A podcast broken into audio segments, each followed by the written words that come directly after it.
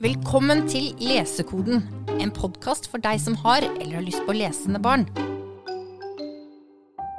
Hva kan vi lese etter Harry Potter? Har du noen gode gråtebøker? Nynorsk? Er dette fine ord? Har dere et tips til en niåring? Har dere bøker som ikke er for tjukke? Krig og sånn? Har dere noen bøker om følelser? Det beste og vanskeligste ved å lese virkelig gode bøker, er følelsene som oppstår når reisen er slutt. Når siste side er bladd om, og vi må si ha det til historien og vennene våre i boka. Desperasjonen etter å fylle på med noe mer, uten å vite helt hva det skulle være, har ledet mang en leser eller forelder til Deichmans hyller, og et av spørsmålene vi får oftest her hos oss, er Barnet mitt elsket Harry Potter, men nå vet jeg ikke hva jeg skal gjøre for å bevare leselysten. Jeg heter Ingrid og jobber som formidler for barn og ungdom på Deichman Majorstuen. Og med meg i studio i dag har jeg min gode kollega Sigrid, som gjør akkurat det samme. Jepp. Hallo. Hei, hei. Og i dag skal vi snakke om hvilke bøker barn mellom 9 og 12 kan lese når Harry Potter er lukket for godt. Ja. Fordi det, det, det med aldersgruppen er litt viktig her, fordi Harry Potter det, det er jo en bokserie som eh, veldig mange elsker på tvers av alder. Altså Voksne elsker også Harry Potter. Men vi har bestemt da i dag at vi først og fremst snakker til det som vi anser som kjernemålgruppen for særlig de første Harry Potter-bøkene, egentlig. De tre første, vil jeg si. Eh, for vi vet jo at det er mye som skjer i løpet av Harry Potter-serien. Eh, så de siste bøkene er jo i større grad egentlig ungdomsbøker. Ja, de er, de er mørke. De er mye mørkere, mye mer komplekse eh, enn de første bøkene. Men vi, vi, opplever jo at veldig mange av de som kommer og spør, det er foreldre til de som er i aldersgruppen 10 til 12. Ja, og som har begynt lesereisen sin. Ja. Og de frykter at de skal stoppe der og ikke komme seg Ja. videre. Ikke sant? I dag skal vi gi dere våre beste tips til bøker dere kan anbefale for barna. Og så har vi også en, en liten godbit til slutt. Ja. For dette her det er faktisk den aller første episoden av Lesekoden med en gjest. Ja! Åh, det blir stas. Vi gleder oss. Vi kommer tilbake til det senere i episoden. Ja. For å velge riktig bok til ditt barn, mener jeg det er veldig viktig å stille spørsmålet hva var det du likte med boka? Det er Kjempeviktig. For når det gjelder Harry Potter, så er det ganske ulike innganger til hva det er som faktisk fenger. Og jeg, for eksempel, som var elsket Harry Potter Jeg leste ja, jeg vet ikke hvor mange ganger jeg leste de bøkene. Jeg bare virkelig elsket det. For meg så var det nok magien, det eventyrlige, dette liksom fantastiske overskuddet som er i J.K. Rowling sin fortellerstil, eh, i kombinasjon med det humoristiske. Men liksom magien og følelsen av at alt kan skje, det var det viktigste for meg, tror jeg. Mens jeg derimot, jeg dreit på en måte i det magiske langt på vei. Jeg bare digget ideen om å liksom, komme til et nytt sted, begynne på en kostskole, få nye venner, og den delen. Men det som er på en måte det de, Alle de bøkene vi skal snakke om i dag, har til felles, eh, hvis vi skal oppsummere det, da, så er jo det at det er eventyr og fantasi for på en måte hele familien, egentlig. Altså Det egner seg til både høytlesning, lese selv, eh, og det er liksom ja, eventyret. Mm. Den første boka som jeg har lyst til å tipse om, det er faktisk den eneste boka som har gitt meg noe av den samme følelsen som Harry Potter. Og det er en serie som er ganske så ny, og som sikkert mange har hørt om. Kanskje noen allerede har lest den etter Harry Potter, fordi det er, det er vel en av de vi tipser aller mest om for tiden eh, til å lese etter Harry Potter, og det er Ingenlund-serien til Jessica Townsend. Ja, da kan jeg si at det er på en måte det enkleste. Eh, Det er en, et sånn safecard. Ja, virkelig. Ja. Så hvis ikke dere har lest den ennå, den, den funker veldig veldig godt. Eh, den har jo noe av det samme utgangspunktet. Um, det er et, eh, en 11 år gammel, et 11 år gammelt barn, her er det en jente, da, som er i en familie hun, som hun opplever egentlig å ha det ganske kjipt. Um, familien er ikke spesielt glad i henne, og det er fordi hun er et såkalt forbannet barn. Hun heter Morgan, og hun er født på den mest uheldige dagen det går an å være født på. Hun er på en måte skyld i eh, Eller hun får i hvert fall skylden for alle mulige ulykker som skjer rundt henne. Det kan være alt fra dårlig vær eh, til branner, til husdyr som blir påkjørt, eller faktisk at folk får hjerteinfarkt. Altså Alt det får Morgan skylden for hvis hun har vært i nærheten. Utrolig kjip start på livet. Veldig kjip start på livet. Og dessuten, det aller verste, det er ikke det engang. Det verste er at hun har blitt fortalt hele livet at den dagen hun fyller 11, så skal hun dø. Så det er utgangspunktet. Oh no. Ja. Og så spoiler alert. Hun blir reddet. Ja. Like før klokka slår tolv på bursdagen hennes, så blir hun reddet av en merkelig karakter eh, som heter Jupiter Nord. Og han flyr henne til det magiske og hemmelige stedet Ingenlund. Og her så hun, eh, får hun beskjed om at hun skal være hans kandidat i en turnering, hvor eh, vinnerne på en måte i denne turneringen da, de vil bli tatt opp i noe som heter Det vunderlige selskap. Og hun er helt avhengig av å bli tatt opp i dette selskapet, for hvis hun ikke blir det, så blir hun sendt tilbake hjem, og der vet hun jo at eh, døden venter. Så hun må eh, bli tatt opp i Det vunderlige selskap.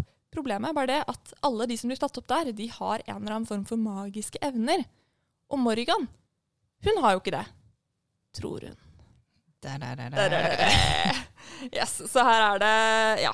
Det er årets australske bok, og den, av den store eh, bokhandelkjeden Waterstone er den også kåres til liksom, den beste boka. Ja, Den har blitt den en stor bestselger internasjonalt. Ja. Ja. Så, men eh, jeg syns at den også har noe av den samme humoren. Det er en sånn fin balanse mellom det skumle og mørke og uh, litt sånn vonde, og det veldig fine, morsomme eh, som Morgan møter. Og etter hvert, ikke sant, Ingenlund blir jo på en måte på samme måte som Galtvort for Harry, ikke sant, blir et nytt hjem. Og virkelig sånn en, en mulighet for henne for å få en ordentlig familie. Den har jo også blitt sammenligna med Harry Potter. Den har Selv om det. det egentlig er dårlig gjort for enhver ja, forfatter det med sammenlignet. hver bok ikke så å bli kult å bli det, egentlig. Nei. Apropos det å bli sammenligna med. Jeg husker tilbake da jeg jobbet i forlag, så kunne markedsavdelingen og barnebokredaksjonen en dag fortelle at nå hadde de funnet den neste Harry Potter-boka. Mm. Oi! jeg tenkte, så, så praktisk Ja, det at, vi, at vi har den hos oss. Eh, og, og da tror jeg det farlige skjedde med eh, sånne store sammenligninger. Da. At du Det er jo ikke det samme. Nei, det er ikke det. Jeg vet ikke om at Harry Potter har blitt sammenlignet med Bibelen, og den, Ja. den er vanskelig å kopiere. Ja, det. Men det er eh, den, den boka som, eh, som det Jeg tror det var det som skjedde med den, for den forsvant litt ut i glemselen. Den heter 'Smaragdatlaset' og er den første, av en eh, den første i en serie på tre. Forfatteren heter John Stevens. Jeg har lest den for lenge siden, så jeg husker faktisk ikke helt eh, detaljene. Men det er noen søsken som eh, må kjempe mot det gode og det onde og kommer inn i en magisk verden. Det er et atlas eh, som, som spiller en viktig rolle. Så verdt å sjekke ut. En serie det snakkes eh, litt om, er De uvanlige av Jennifer Bell. Vi skal til London, hvor søskenparet Ivy og Seb en dag oppdager at under eh, en av verdens største byer skjuler det seg et marked. Nærmest en by som heter Lundinor. Og det som skjer på det markedet, er at eh, det er en del mennesker som handler med uvanlige ting. Og det er egentlig ting som ser vanlig ut. Det kan være vannmugger, stoler, kofferter, dobørster endog. som har helt spesielle evner. Dobørstene kan skyte elektrostråler. Eh, bjeller kan snakke. De har spesifikke egenskaper. Det viser seg at bestemoren til Ivy og Seb, den dagen hun har et illebefinnende, havner på sykehus og får et armbånd klippet over, så setter det i gang noe enormt av gode og onde krefter. Og det viser seg at Ivy og Seb har noe med det å gjøre, en familiehistorie, og de må ned til grottene under London og de, denne markedsplassen hvor uvanlige ting og tang selges. Kult. Det høres veldig stemningsfullt ut. Ja. Og jeg, jeg fikk sånn reiselyst. og nettopp den følelsen av OK, et nytt sted. Her er det helt sånn egne regler og bare en veldig sånn artig premiss. Og, og, veldig, og barn er veldig gjenkjennelige. Og et sted jeg hadde lyst til å være. Og umulig å ikke se seg rundt og, og bare lure på hmm, en sofa? Er den en helt vanlig sofa eller ikke? Og forfatteren har også sagt at um, det er jo beundringen for barns evne til å kunne leke egentlig med hva som helst, og forestille seg at det kan være noe helt annet enn det det ser ut som. Anbefales på det sterkeste. En annen bok som jeg føler har blitt litt sånn glemt de siste par årene, eh, men som faktisk fikk ganske mye oppmerksomhet da den kom ut, det var eh, er 'Vindeltorn' av Tone Almhjell. Eh, den ble også sammenlignet med Harry Potter, som så mange av de bøkene vi snakker om i dag, men også med Narnia. Fordi her er det, synes jeg, en vesensforskjell fra denne boka til f.eks. Ingenlund. Her er det litt mer sånn Narnia-stemning, syns jeg, da. Eh, Det er jo en sånn klassisk sånn portal-fantasy-historie hvor, man- hvor hovedpersonen Linn finner en sprekk i kjelleren, og så går hun inn gjennom den og kommer til en annen magisk verden. Ikke sant? Akkurat på samme måte som de i Narnia går gjennom. Og kommer Vi skal inn snakke mer om ja, Narnia, for å si det sånn. Vi skal snakke mer om Narnia. Men her så er det sånn at eh, når Linn kommer inn i dette landskapet, da, eller den nye verden, så er dette her et eh, ve veldig stemningsfullt, det også, faktisk. Et sånn isdekket eller liksom kaldt, vinterlig landskap. Eh, og det første hun møter der, det er en eh, veldig, veldig stor eh, mus. eh, som snakker og sånn. Ja, det er Sånn fint. Ja, det er sånn som skjer. Eh, og det er ikke bare en hvilken som helst mus heller. Det er nemlig Lins eh, gamle kjæledyr. Eh, Rufus, som hun var så utrolig glad i, og som døde for en stund tilbake. Eh, og det som er Å, for en greia tanke for alle barn som har mistet Ja, kjæledyr. for det er så fint. dette, i dette, denne verden her, da, som heter Sylver, så dukker nemlig de dyrene opp som har hatt et veldig veldig sterkt forhold til et barn. da. Eh, så når de dør, så kommer de til Sylver, og så blir de da sånn eh, menneskifiserte dyr. Ja. Så det, jeg synes det er en utrolig nydelig tanke. da. Eh, og det er veldig, denne relasjonen mellom Rufus og Lin er veldig fin og sterk, eh, og er veldig viktig for denne historien. Eh, men det er selvfølgelig ikke bare det som er handlingen her. Det er jo eh, slik at vinterfyrsten har forsvunnet, og Lin må finne han. Fordi hvis ikke han blir funnet, av diverse årsaker, så vil Sylver, eh, landet Sylver gå under. Så det er, eh, det er, Viktige ting står på det er vikt store ting det handler om. Og da er det gode mot det vonde og ja. Eh, en annen type fantasybøker for den aldersgruppen er bøker som er kanskje mer en personlig reise, og som kanskje søker å gi en forklaring på, på veien hvorfor vi er her, hvor vi kommer fra og hvor vi skal til. Og Frida Nilsson er en forfatter som verden virkelig har fått øynene opp de siste årene. Hun har skrevet en bok som heter 'Ishavspirater'. og det Som er fantastisk. Altså, helt nydelig. Den må, må dere lese. Og hva skal vi si, problemet hennes på en måte er at hun blir sammenlignet med Astrid Lindgren. Det er også på en, måte, en forferdelig sammenligning å bli utsatt for, for det er så skyhøye forventninger. Ja. Men kritikerne og leserne er Altså, ganske enige i at fantastisk. Hun frir er faktisk ganske langt på vei, vil jeg si. Og um, det tynne sverdet eh, blir da sammenlignet med Mio min Mio. Eh, det handler om en, en gutt som heter Sasha, som har en, en syk mor som venter på å dø. Og en natt våkner han, eh, det er måneder måneskinn, og så ser han at sengen til moren er tom. Han følger etter henne, for han ser at døra står på gløtt. Han løper ut. Og der er det et skip som har lagt fra kai. Han skjønner at det er døden som har kommet for å hente moren. Sasha hiver seg rundt, får tak i en robåt, følger etter. Det blir en storm, og vips, så er han på stranda til dødsriket. Og dette handler om hvordan han vil forsøke å få hentet moren sin tilbake. Det er en veldig vakker Jeg blir nesten jeg blir sånn rørt når jeg snakker om den. Eh, en veldig vakker historie om, om å bli kjent med et vanskelig spørsmål. Og også kunne se for seg hvordan verden er. Og jeg vil bare skyte inn at jeg har nettopp lest en annen bok som jeg syns minner veldig om det der, der, og har mye av den samme tematikken. Det handler om sorgbearbeiding, egentlig. Ja. Og liksom det å flykte inn i en magisk eh, virkelighet, på en måte. På samme, litt på samme måte som der og i Mimon Mio. Eh, Og det er Emma Karinsdotter som har skrevet 'Tusen stjerners øy'. Så hvis de der andre der fenger, så kan den også være et tips.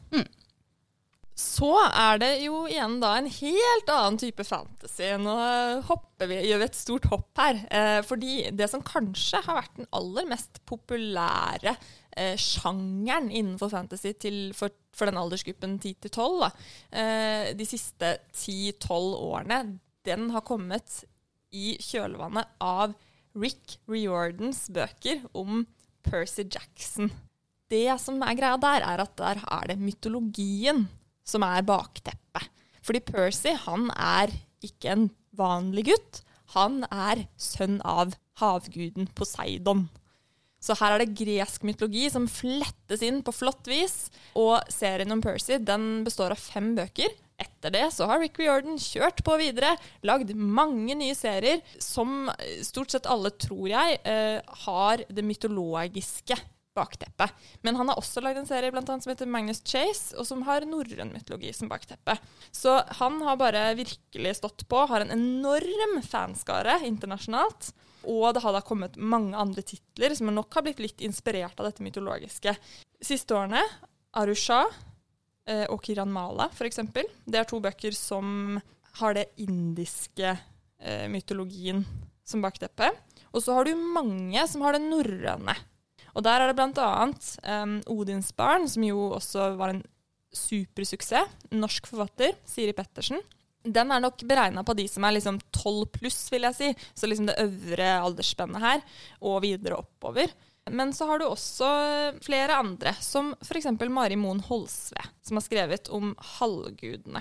Og hun er i ferd med å bli en norsk superstjerne Ja. innen eh, barne- og ungdomslitteratur, så er verdt å ta sjansen på henne.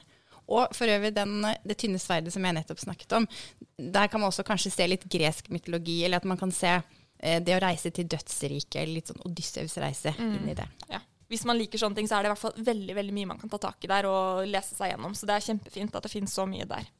Da skal vi til en av de store bautaene i fantasybøker for barn.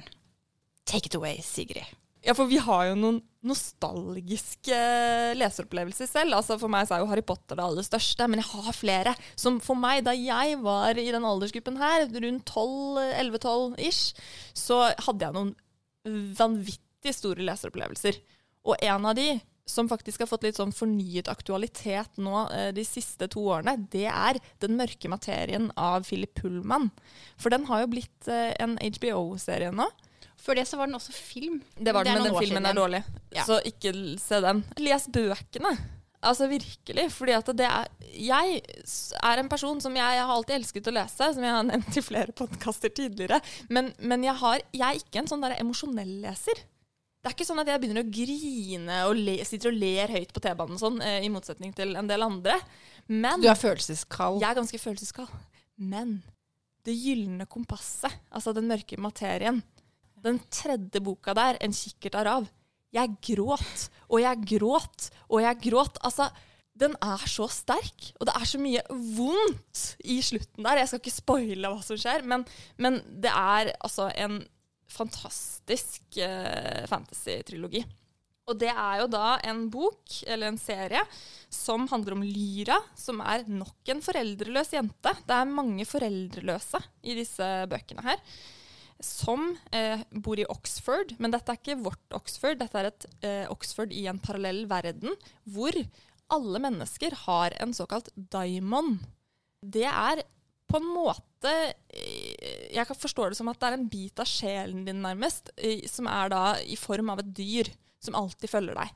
Så Lyra hun har en, et lite dyr som heter Pantalaimon, som alltid følger henne overalt. Og når man er barn, så kan det dyret bytte formen sin. Så du kan bytte mellom alle mulige slags dyr, fugler, alt sammen. Men når du kommer i puberteten, så får det fast form. Og Lyra og Pantalaimon de er i røykeværelse på Oxford College og overhører at rektor ved skolen har tenkt til å forgifte onkelen hennes, lord Asriel. Hvorfor vil noen drepe lord Asriel? Det er på en måte første kapittel her. altså Man blir dratt inn i spenningen umiddelbart. Jeg får gåsehud her jeg Ja. sitter. Og så følger vi Lyra. Dette er et episk verk, og det er ganske mørk verden her, med konservative religiøse myndigheter som styrer med jernhånd. Det er barn som forsvinner, her er det snakkende bjørner. Altså, det er storslåtte ekspedisjoner, parallelle verdener. Altså, det bare Ja, det fortsetter og fortsetter. Jeg kan ramse opp i en evighet her. Eh, og sterke karakterer. Sterke barn i hovedrollene. Oxford er jo litt eh, fantasy for barn sin vugge. Eh, tolken Ja. eh, bodde i Oxford. Nå trakk du fram eh, Pullman som har skrevet bøker fra Oxford. Så er det én til som til. har hatt sete i Oxford. En av de O store. Ja. Og nå skal jeg bruke en spesialeffekt. ja. Er dere klare?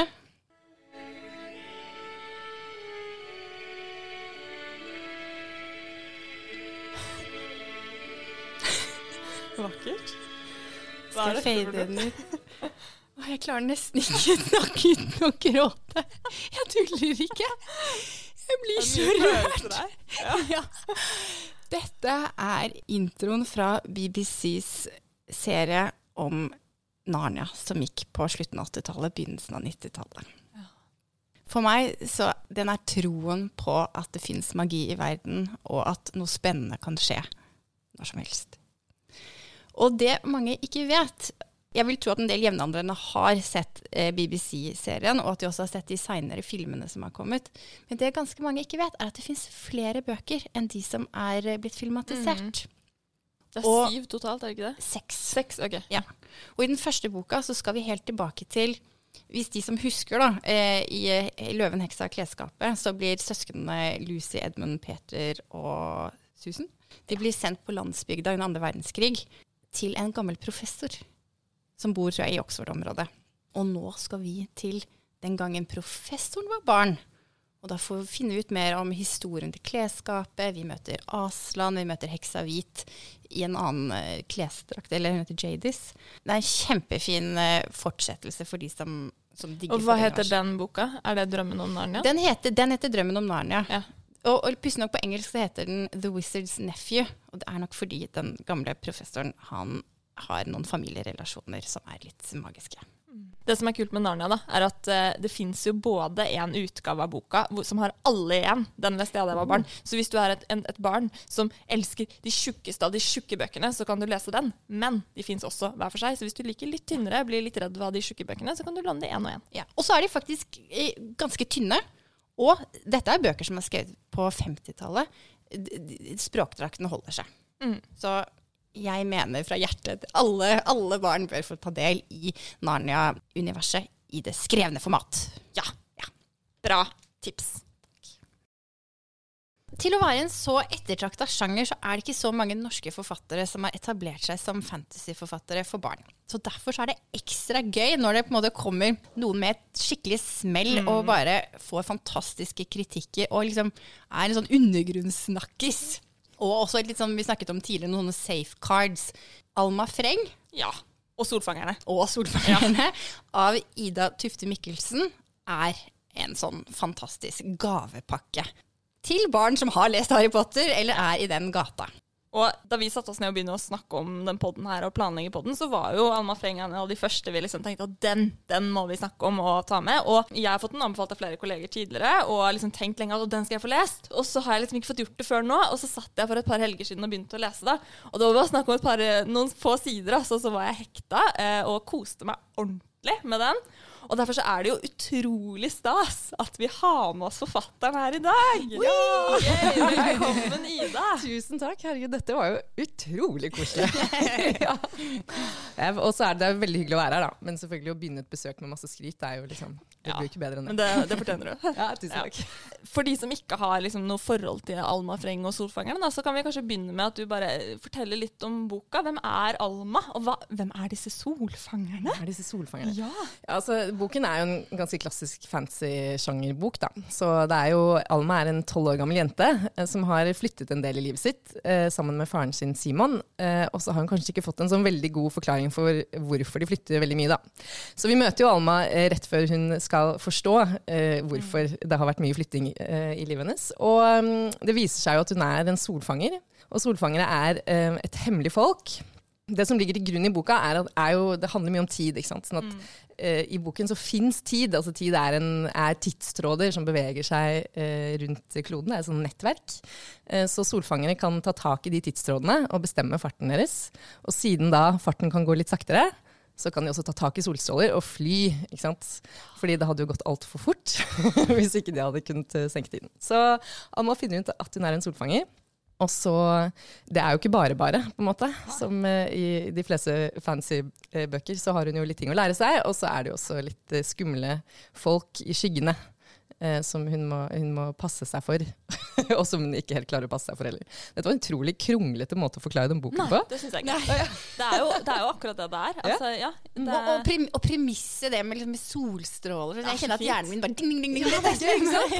altså, I Harry Potter så flyr de på sopelimer, og her flyr de på solstråler. Ja. Og jeg ble helt sånn derre Hvordan ser det ut? Ja. Altså, jeg, jeg lurer på hvordan dette ser ut. Ja, altså, jeg har liksom sett for meg, og selvfølgelig tyngdekraften, den fins jo ikke her, den, de vanlige lovene. Sånn at hun holder bare fast i den strålen med den ene hånda. flyr. Og flyr, flyr etter den, liksom. Okay. Altså henger etter den. Eh, og det var jo der alt begynte. Det med tid og alle de tingene kom jo litt senere, men det var det plutselig det Og jeg, jeg har prøvd å, altså jeg har hatt lyst til å skrive bok hele livet, og har veldig ofte skrevet sånne alvorlige voksenting som aldri har blitt noe av. Og så plutselig fikk jeg liksom den ideen, og jeg har jo alltid elsket fantasy- fantasy-sjangeren, og leser det selv om jeg er voksen. Og um, så bare kom den ideen om å kunne fly med solstråler. Og det virker så gøy å kunne fly, ikke sant? Så, jeg ble Ja, helt sånn, dette, så da bare ble det til at jeg brukte enormt mye tid i det universet, og på å liksom utvikle den ideen. Og så ble det bok, da. Det ble jo det. Ja. Gøy. Ja, Og den, det er ikke hvilken som helst bok. Altså, denne boka her er også nevne det. Den, nominert til, den ble nominert til Arks barnebokpris da den kom. Fikk strålende kritikker både i Klassekampen og Dagbladet blant annet. Kan jeg sitere en eh, Katrine Krøger Ja, som anmeldte jeg, eh, Mikkelsens debutbok er en litterær gave til barn og unge, og for så vidt også halvgamle kritikere. Ja, den var fin! Ja, det er veldig godt spørsmål. ja. Ja, det var jo helt eh, Man vet jo aldri. Og det er, det er jo debutboka mi, og, og det er jo eh, vanskelig å vite liksom, hva som skjer. Og det er jo ikke så lett alltid å få oppmerksomhet rundt, eh, rundt debutanter. Så det gikk jo over all forventning, og var liksom et par helt sinnssyke uker i livet mitt. Kan se på det. Det er jo egentlig et spørsmål man skal spare til slutt, men jeg mistenker at det kommer flere. Ja. Ja. Det kommer, det er faktisk det kommer, Toeren kommer 8. oktober. Åh, Mm. yes! Det er bra. den, eh, ja. Har- Vet du hvor mange bøker det skal bli? Ja, altså eh, Det blir eh, i hvert fall ikke noe mindre enn fire. Altså Jeg har et sånn løp på fire i hodet mitt. Fordi det er jo egentlig alt Alt er én historie. For, og det er jo litt forskjellig når det kommer til sånn fantasy, om, man, om bøker står veldig sånn alene. Og, mens dette er jo mer sånn én lang historie som fortelles over flere bøker. Um, så jeg tror det blir fire. Plutselig kan det bli fem. Jeg tror ikke det blir noe mer enn det. Det blir et sted mellom fire og fem, tror jeg. Mm. Du snakket, eller du nevnte det, det mørke. For jeg tenker på eh, Det er jo ganske sånn derre mørkt samfunn, det her. Mm. Det er litt sånn, jeg vil litt sånn dystopisk, nesten. Eh, jeg bare lurer på, for dette, dette, altså det der å finne den balansen på liksom, når blir det for skummelt for barna, liksom. Altså Der er jo jeg kjempedårlig. Ja, men jeg syns du Eh. får det til ganske bra. Eller sånn, Jeg er jo ikke tolv år selv, da, så, men jeg, føler at det, ja, det, det, For det er en del humor også. Ja, det er jo det. Men jeg trodde jo at den skulle være altfor skummel. Og jeg har en fireåring som jeg ikke tør å gi sånne bøker som er til treåringer. Liksom, for jeg bare syns alt virker så skummelt. Jeg er så redd for at han skal få mareritt. Uh, så da jeg hadde liksom noen venner som var sånn 'Jeg har en seksåring, kan jeg lese det på henne?' Liksom. Jeg bare nei! Og så har hun jo lest den på henne, og de syns jo bare det er kjempegøy. Så jeg glemmer litt hvor? Fordi jeg vet ikke, jeg, Man blir sånn mer redd av å bli voksen. Uh, for at barn er jo litt mer sånn Det er fantasien, og de har liksom tro på at det gode vil seire, føler jeg. Sånn at det blir ikke liksom skummelt. På, så er det jeg har skjønt fra folk som har, har lest det for yngre. Da. Så helt ned i sånn seksårsalderen har tålt hun eh, ganske skumle Gabriella Grubel da, og, og det som skjer på slutten her. så det er jo veldig, veldig bra. Da. Men jeg sa til redaktøren min sånn 9 til 12, liksom, er du sikker? Kan du si disse fæle tingene? Hun var sånn ja, ja, ja, det går bra. Men jeg tror at noe av det som hjelper, da, er, er den der humoren som kommer litt sånn innimellom. Som, som eh, igjen da syns jeg er et likhetstrekk til Harry Potter. For det er noe som vi har snakket om tidligere i podkasten, om at noe av det beste synes jeg ved Harry Potter er den der kombinasjonen av på en måte det alvorlige tunge, men også humoren som kommer inn fra siden og bare liksom letter det, på en måte. Og jeg syns at det er noe av det samme her. Blant annet den hun frøken Krille. Som bare er en helt herlig karakter. Det er kjempegøy. Det er en sånn skikk... Der er det noe sånn, litt sånn Roald Dahlsk nesten, føler jeg, over henne. Ja, og det, Ja.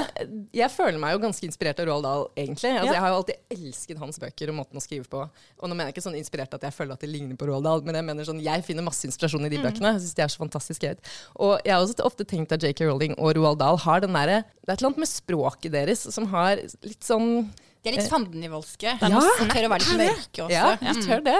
Og frøken Krille er jo en karakter som sier helt grusomme ting. Ja, Men- Hvem er frøken Krille? Det må du si. Det sa ikke jeg. Hvem Altså, er hun? frøken Krille, hun, Ja. er, hun er læreren til, læreren til Alma. Ja. På Evelsøy, dit hvor Alma flytter, og veldig opptatt av at ting skal være ordentlig, og, og liksom, man skal ikke skille seg ut og sånne ting. Og, og sier liksom ganske mye ting som er, er på kanten, da. Men, eh, men det også er jo bare man, man tåler det, eller Ja, kanskje det er Herregud, holdt jeg på Jeg glemmer litt av det jeg snakker om min egen bok, for det er jo Til hvilken grad skal man sitte her og skryte? Men, men ja, jeg er jo veldig glad i Frøken Krille personlig, da. Ja. Selv om det er jeg som har skrevet den. Mm. Det er, veldig, det er veldig bra med en forfatter som ikke lar seg skremme av sin egen bok. Det. Vi har jo også snakket om hva, hva det er som, som Hvilke knapper vi trykker på hos leserne med de ulike bøkene. Har du tenkt noe på hva er det som gjør at eh, leserne liker din bok? Um, Ja, jeg har jo det. Um, og det- som er rart når man tenker på det, er jo sånn uh, En del av det er jo sånn hva jeg ønsker at de skal like med min bok, og noe annet er jo hva jeg, eller, hva jeg har på en måte hørt at de, at de liker og sånn. Men altså, det som er med fantasy-sjangeren, som jeg alltid har likt så godt, og som jeg veldig har prøvd å få til med denne boken, er jo den kombinasjonen av det veldig sånn handlingsdrevne, spennende, men at det også er persondrevet, og at det er at man kan følge eh, karakteren som går gjennom ting som kanskje barna kan kjenne seg igjen i. da. Og det er jo sånn veldig tydelig Harry Potter. Hun er jo et utrolig god på det, og så har jeg liksom prøv, prøvd å gjøre det. men, men det altså Den kombinasjonen der eh, tror jeg er veldig fin for barn, fordi det er jo ikke sånn at barn orker 50 sider innledning hvor ikke det skjer så veldig mye. Og vi har jo jobbet veldig mye med tempo i, i denne boken. Det er det vi har jobbet nesten mest med. Å være sånn hvordan får vi tempo til å bli riktig? At det ikke skal føles forhastet. Eh, man skal ikke rase fra sted til sted. Du skal kunne eh, se for deg scenene, kose deg i dialogene, bli kjent med karakterene og bry deg om eh, deres utfordringer. Eh, som, og ikke bare utfordringer som sånn liv og død-utfordringer, men sånn personlighetsting og sånn. da. For det er mye følelser, og det er jo familierelasjoner som også står i sentrum. Ikke sant? Det er jo akkurat det. At man, og det der med liksom den empatien og prøve å eh, liksom bli med karakterene på deres emosjonelle reise, samtidig som at det er spennende nok til at ikke barn legger den fra seg. Da. sånn, så, og der har jeg jo hatt en utrolig dyktig redaktør òg, så vi har jo gått sånn 115 runder, liksom. Og vært sånn, skal vi kutte denne setningen? Bare for å prøve at det liksom skal gå raskt nok til det neste som er spennende, samtidig som det ikke skal forhastes. Da. Så, så det håper jeg jo. I og med at eh, når, hvis, når barna har likt boka og sier det til meg, så er det veldig, de aller fleste sier at de syns den var spennende. Og, og morsom, som du nevner, og, og litt rørende. der er det også mange som sier 'herregud'. Ja. Men der sier du faktisk Jeg er rød i kjakene. Men der syns jeg du poengterer noe viktig som faktisk vi glemte å snakke om i begynnelsen. Altså dette med tempo og spenning. For det, det snakket ikke vi om i det hele tatt, men det er jo virkelig sånn et grunnelement i alle de bøkene vi har nevnt i den podkasten her. De er spennende, alle sammen. Og bøker behøver ikke være så gamle for at de har et litt annet tempo. Bare ti år tilbake da, så var det et helt annet tempo på bøker. Og det er så spennende med Harry Potter, fordi hun, altså J.K. Rowling hun tar seg god tid. Ikke sant? Og for, eh, forfattere i dag tar seg ikke like god tid. Og det er også fordi barn har forandret seg. Ikke sant? Så det er jo, nå er det jo Ja. mye mer som altså, Vi generelt som folk har dårligere tid i 2021 enn vi hadde i 1997. Var det da første bok kom ut? eller noe sånt? Ja. jeg tror det. Eh, så, hun, men, men, så hun tar seg veldig god tid, men, men eh, barn i 2021 elsker den likevel. Og det sier jo noe om hvor fantastisk dyktig hun er. Da. Det er veldig sånn fascinerende når man leser de bøkene nå. Men vi har jo også gitt deg en oppgave til, Ida. Det har dere. Ja, Mm. Og det er om ikke du kan tipse oss om en annen bok også, som du tenker at passer inn i dette her. Hva, hva skal barna lese etter, etter Harry Potter? Altså, jeg har et utrolig godt uh, tips, uh, og det er uh, norsk, Han er jo norsk, da. Kristoffer Pale heter han. Og han har skrevet snart tre bøker. Det er to bøker ute, den tredje kommer nå snart, om tvil, tvillingpar som heter Kass og Tycho. Og det er jo sci-fi, som er helt utrolig. Og jeg har ikke lest veldig mye sci-fi i mitt liv, men jeg ble jo helt sånn Universet er så gøy! Når jeg leser de bøkene. Fordi, og han har en sånn eh, seksjon på slutten hvor han sier hva det er som er sant og ikke. og sånn. For det er jo veldig mye i de bøkene som er, er sant om universet der ute. Men det er jo to tvillinger som finner et romskip i, i skauen utenfor der de bor. Eh, de vet ikke at det er et romskip, setter seg inn i det, og plutselig er de eh, i verdensrommet, og så må de komme seg hjem igjen. Eh, så den første heter eh, Fantomplaneten. Var det riktig? Nei, den første heter De forbudte solsystemene, og den andre heter Fantomplaneten. Så jeg vil bare sterkt anbefale de bøkene om Kass og Tycho, altså, for de er eh, to skjønne tvillinger som, eh, som forvikler seg inn i mye spennende, spennende saker. Bra tips. Og der tror jeg vi skal sette punktum for dagens episode. Sigrid, vi er jo sjukt Ja. glad for at vi har hatt vår første gjest i Lesekoden. Veldig stas. Og vi håper at dere der hjemme nå vet hva dere skal lese etter Harry Potter. Og så er det bare å komme til Deichman og låne bøkene hos oss. Hva var det for noe? Ja, du har ikke hørt det før du, nei. Jeg vet hva, Det er faktisk lyden av lesekoden som knakk. Ah. Du har lyttet til Lesekoden, en Deichman-podkast. Alle bøkene vi har snakket om, kan du bestille på deichman.no.